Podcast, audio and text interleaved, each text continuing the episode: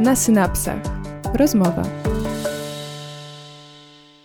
Jest ze mną Kinga Brawańska ze Studenckiego Koła Naukowego Paleoanatomii Vertex, która opowie nam o projekcie Zmarli mogą ratować i uczyć żywych. Cześć.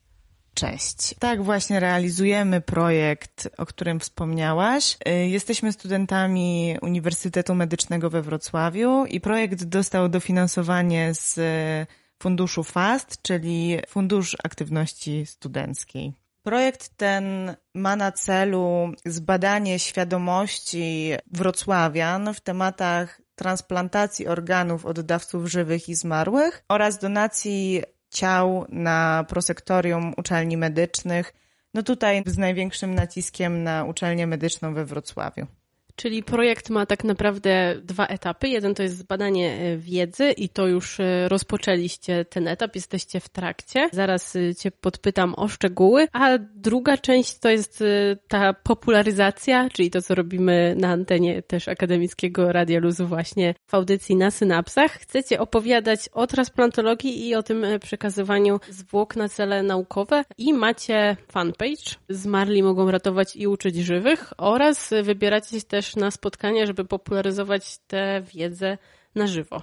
Tak, jak najbardziej. Projekt zawiera w sobie e, prelekcje przeprowadzane w liceach, we wrocławskich liceach oraz uniwersytetach e, trzeciego wieku i klubach seniora. E, idziemy tam z takim celem właśnie najpierw dowiedzenia się, jaką wiedzę na ten moment mają wrocławianie i realizujemy to poprzez badanie ankietowe, w którym badamy poziom wiedzy oraz ustosunkowanie się na ten czas e, do właśnie tematów transplantacji i donacji, bo nie można zaprzeczyć, że są to tematy wzbudzające wiele emocji i mamy wrażenie, że wciąż takie tematy trochę tabu w Polsce. Po takim badaniu ankietowym przeprowadzamy 45-minutową prelekcję, aby rozjaśnić i też y, może troszeczkę naświetlić e, właśnie temat e, transplantacji i donacji pod różnymi względami, głównie prawnym, opisać, które narządy można przyszczepiać e, właśnie oddawców żywych, oddawców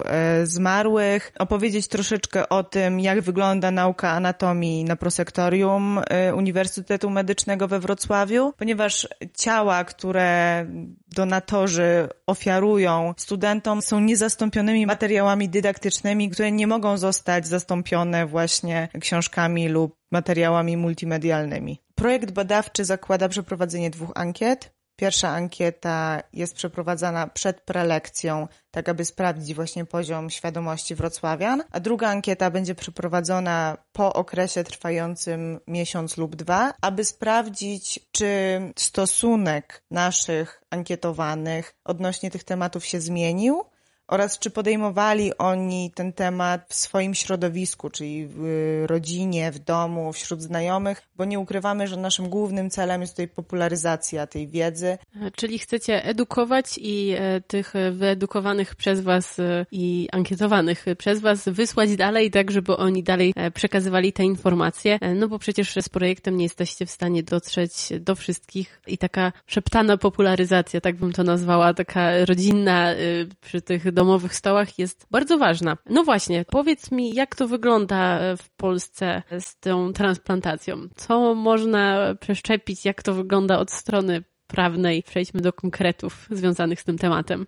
To może zaczniemy od tego, co można przeszczepiać, czyli właśnie od transplantologii. Od dawcy żywego możemy przeszczepić nerkę, fragment wątroby lub szpik kostny, a od dawcy zmarłego przeszczepiane są nerki, wątroba, płuca, serce, trzustka, jelito oraz rogówka. W polskim prawie funkcjonuje takie pojęcie jak dawca domniemany. To znaczy, że każdy obywatel Polski tak naprawdę w momencie śmierci a tutaj śmierci mózgu, o czym też za chwilkę, jest prawdopodobnym dawcą narządów. Nie można się zgłosić jako chętny dawca. Istnieje coś takiego jak oświadczenie woli, czyli e, tutaj propagowane przez organizację Poltransplant zajmującą się właśnie w Polsce transplantologią, czyli tutaj oświadczenie woli, czyli taka aktywna zgoda na bycie dawcą. Nie ma ona jednak w Polsce żadnego prawnego znaczenia. Posiadanie przy sobie takiej zgody nie sprawia, że lekarze w momencie naszej śmierci będą mogli bezproblemowo pobrać nasze narządy. Każda osoba w momencie śmierci jest domniemanym dawcą, chyba że wyrazi sprzeciw. I sprzeciw można wyrazić na trzy sposoby. Można zarejestrować się w Centralnym Rejestrze Sprzeciwów i wszystkie informacje, jak to zrobić, są zawarte na stronie Poltransplantu. Można mieć przy sobie w momencie śmierci dokument o tym, że nie chce się, aby pobierano od ciebie narządy i ten dokument musi być podpisany przez osobę, która takie oświadczenie składa lub co najmniej dwóch świadków musi potwierdzić, że za życia ta osoba nie chciała być dawcą narządów. Prawnie ma to ułatwić lekarzom oraz środowisku medycznemu pobieranie narządów, ponieważ y, wciąż widzimy niedosyt i z każdym rokiem kolejka oczekujących na przeszczep się wydłuża niestety. Mamy coraz więcej osób, które potrzebują przeszczepu i dla nich jakby jedynym ratunkiem jest przeszczep, co jakby liczba dawców się nie zwiększa. Powiedziałaś, że narządy można przeszczepiać od dawcy żywego i od dawcy zmarłego i wspomniałaś tutaj, że wyznacznikiem e, no, bycia właśnie dawcą zmarłym jest e, śmierć mózgu. E, więc poproszę Cię o wyjaśnienie tego, co medycyna rozumie przez e, śmierć mózgu. I może też dlaczego e, to właśnie ona oznacza tę śmierć człowieka tutaj. Śmierć mózgu to nieodwracalna utrata wszystkich funkcji mózgowych, a więc śmierć całego mózgu jako takiego, czyli właśnie mózgu, muszczku i pnia mózgu. I jest ustalana na podstawie braku określonych odruchów nerwowych i spontanicznej czynności oddechowej. W tym przypadku komórki, tkanki i narządy człowieka nie obumierają jednocześnie i dlatego ważne jest stwierdzenie właśnie śmierci mózgu jako koordynatora podstawowych czynności organizmu. Dla lekarzy śmierć mózgu oznacza śmierć człowieka, bo w tym przypadku odłączenie takiego człowieka od aparatury medycznej sprawi, że ten człowiek umrze, nie ma szans na powrót świadomości tej osoby i na, na wybudzenie się.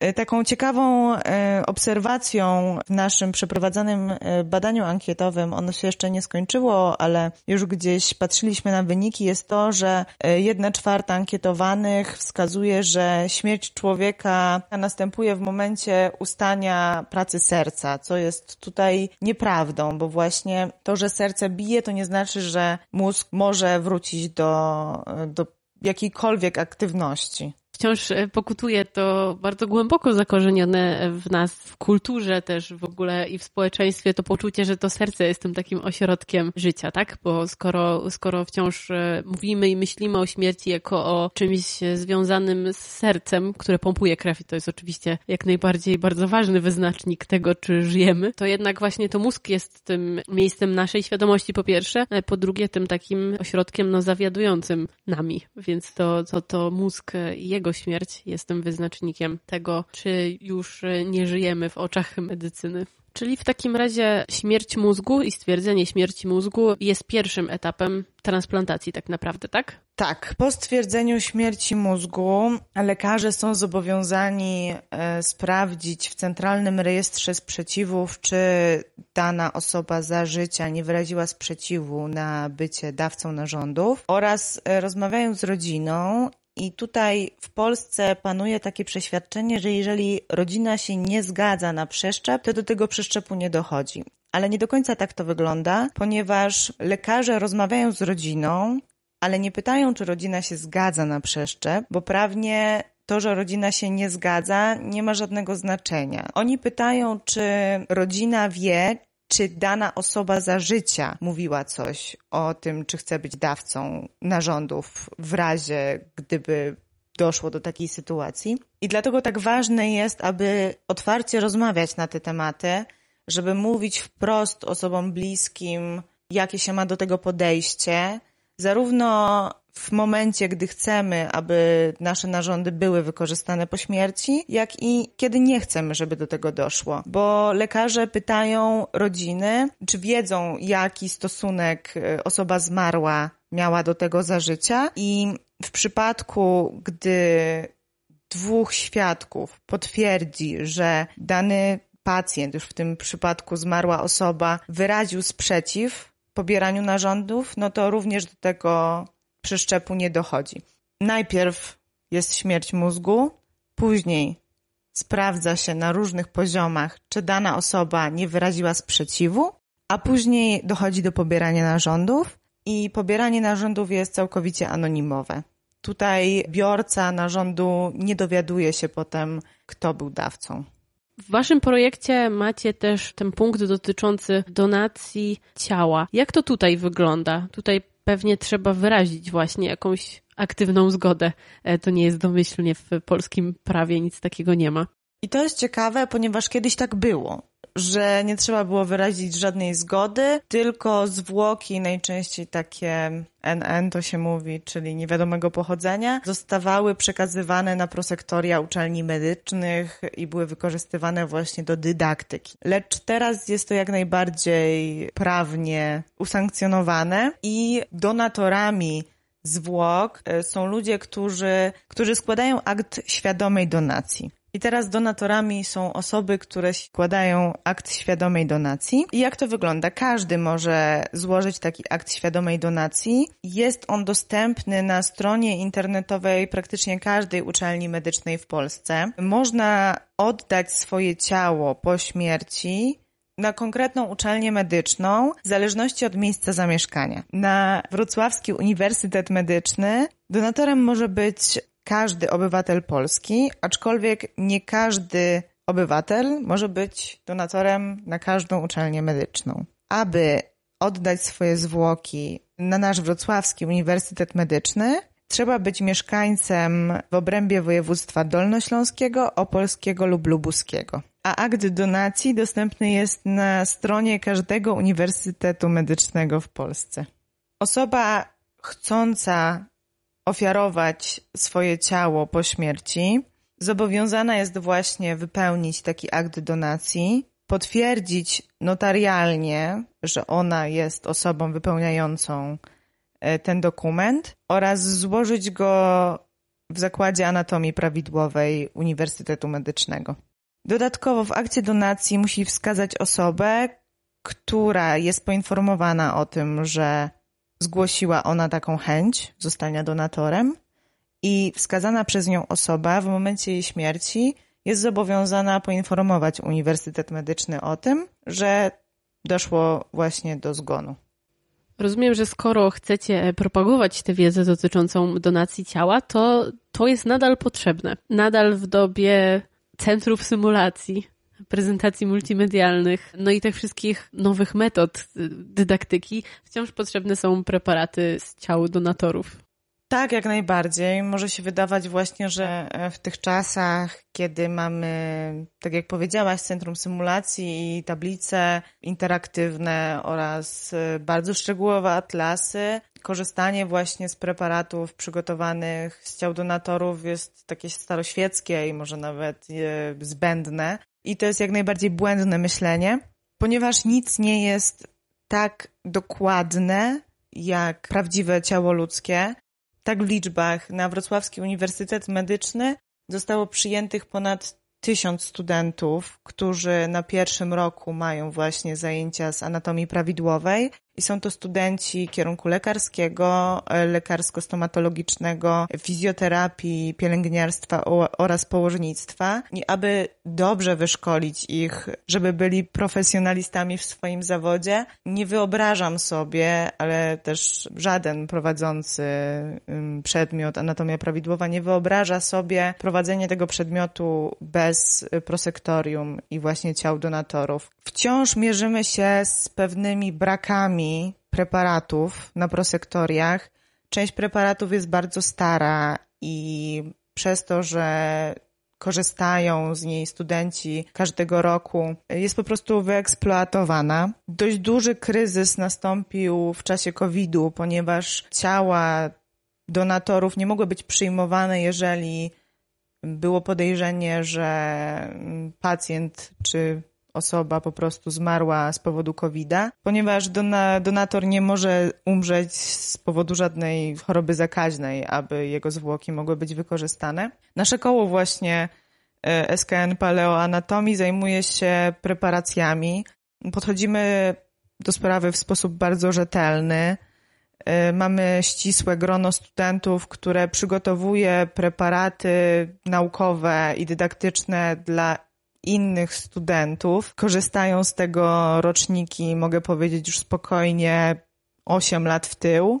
I żadna osoba, która planowałaby oddać e, swe ciało właśnie w celach naukowych, nie musi się obawiać tego, że będzie potraktowana bez szacunku, bo bardzo dbamy o to, aby dostęp do e, preparatów mieli tylko studenci Uniwersytetu Medycznego e, oraz prowadzący. Powiedziałaś już, jak zostać donatorem. To powiedz proszę jeszcze e, analogicznie do tego, jak wygląda transplantacja, ten proces bycia dawcą e, po śmierci, to jak to wygląda e, z donacją ciała? Mówiłaś, że za życia oczywiście zgłaszamy się, że chcemy zostać donatorem i że wyznaczamy tę osobę, która po naszej śmierci informuje Uniwersytet Medyczny. No i tak mniej więcej co później się dzieje? Później nasze ciało jest odbierane przez pracowników Uniwersytetu Medycznego nie musimy się martwić o to, że zostaniemy rozpoznani na prosektorium, ponieważ cały proces jest całkowicie anonimowy. Jedynie pracownicy y, katedry i zakładu anatomii prawidłowej y, są świadomi y, danych osobowych donatora. Okres sekcjonowania trwa około pięciu lat. Obejmuje to przygotowanie takiego ciała do preparacji i późniejsze przygotowywanie preparatów. Sam okres przygotowania do preparacji to około rok do dwóch lat, a później e, w sekcjach, tak jak już też mówiłam, biorą udział tylko nauczyciele akademicy i studenci. Po okresie pięciu lat lub który może trwać więcej lub mniej. W każdym razie po tym okresie sekcjonowania dochodzi do pochówku. Obowiązek pochówku i wszystkie koszty pochowania ciała spoczywają na Uniwersytecie Medycznym. Ciało zostaje spopielone lub pochowane w trumnie zgodnie z wolą donatora, a cała ceremonia pochówku odbywa się w obrządku świeckim. Ciało może zostać y, pochowane w miejscu wskazanym przez donatora. Jeżeli jednak jest to właśnie konkretne miejsce, wtedy koszt musi ponieść rodzina donatora i następnie dane osobowe mogą być ujawnione w celu upamiętnienia takiego donatora. Co roku odbywa się u nas właśnie na Uniwersytecie Medycznym Dzień Donatora, którym dziękujemy i mamy taką przyjemność uczcić pamięć wszystkich donatorów, których ciała zostały wykorzystane właśnie do nauki e, na naszym Uniwersytecie Medycznym. Jeżeli jednak dana osoba chce pozostać anonimowa, to wtedy nie zostaje wymieniona na tablicy pamiątkowej wiszącej w Zakładzie Anatomii Prawidłowej. To może w ogóle zostać dawcą? Żywym dawcą komórek lub tkanek e, można zostać e, na rzecz krewnego w linii prostej, czyli tutaj rodzice mogą być dawcami dla dzieci lub dzieci dla rodziców, o ile są powyżej 18 roku życia. Również takim dawcą żywym można być na rzecz rodzeństwa, osoby przysposobionej lub małżonka, ale tak naprawdę na rzecz każdej osoby, jeżeli uzasadniają to szczególne względy osobiste. Tą różnicą że jeżeli chcemy oddać narząd lub nasze tkanki osobie niespokrewnionej, potrzebujemy zgody sądu. Czyli tak jak już wspominałam, y, dawcą żywym można zostać oddając nerkę. Całe szczęście mamy dwie nerki i tak naprawdę tylko i wyłącznie jedna jest nam potrzebna do życia. Fragment wątroby y, lub szpik kostny. I tutaj jest zawsze taki strach co jak oddam część swojego narządu, w końcu to mój narząd. Ale prowadzone są badania i badania wykazały, że osoby, które oddały nerkę, właśnie biorcy, są równie zdrowe, jak niezdrowsze w porównaniu do populacji ogólnej. No i teraz czemu zdrowsze? Zdrowsze, ponieważ y, były regularnie badane. Właśnie ta kontrola y, sprawiła, że jakby ich y, życie nie było pogorszone w żadnym stopniu. Y, jak właśnie wygląda ta donacja na rzecz y, dawcy żywego? Kandydat na dawcę, jak i na biorcę muszą być szczegółowo poinformowani o rodzaju zabiegu i ryzyku z nim związanym. Potrzebujemy zgodę kandydata i na dawcę, i na biorcę oraz tutaj musi dojść do takiego sprawdzenia, czy żadna ze stron y, nie pobiera w związku z byciem dawcą lub biorcą żadnych korzyści. I tutaj ani korzyści materialnych, ani jakichkolwiek innych. To musi być całkowicie dobrowolny akt. Więc może podsumowując, co daje bycie dawcą, y, według naszego polskiego prawa dawcy szpiku lub innych regenerujących się komórek i tkanek przysługuje tytuł dawcy przeszczepu, a dawcy przeszczepu, który oddał szpik lub inne regenerujące się komórki i tkanki więcej niż raz oraz dawcy narządu lub fragmentu narządu przysługuje tytuł zasłużonego dawcy przeszczepu i za oba te tytuły, czyli dawcy przeszczepu i zasłużonego dawcy przeszczepu, e, przysługują uprawnienia do korzystania poza kolejnością z ambulatoryjnej opieki zdrowotnej. I tutaj właśnie w tym badaniu ankietowym, które przeprowadzamy e, w społeczeństwie, chcieliśmy też wybadać, czy jest coś, co mogłoby skłonić do większej chęci w zostaniu dawcą, ponieważ na arenie międzynarodowej każdy kraj ma zupełnie inne prawo dotyczące transplantacji i są kraje, w których za zapisanie się na listę prawdopodobnych dawców y, przysługują konkretne korzyści. Rozmawiałam z Kingą Brawańską ze Studenckiego Koła Naukowego Paleoanatomii e, z Uniwersytetu Medycznego we Wrocławiu. E, zapraszamy Was na fanpage projektu. Zmarli mogą ratować e, i uczyć żywych, a stamtąd możecie dowiedzieć się jeszcze więcej. Tam też są powtórzone te informacje, które teraz wybrzmiały, a ja tymczasem dziękuję za rozmowę. Ja również zapraszam do obserwowania naszego fanpage'a. Na synapsach chwytamy za stery nauki.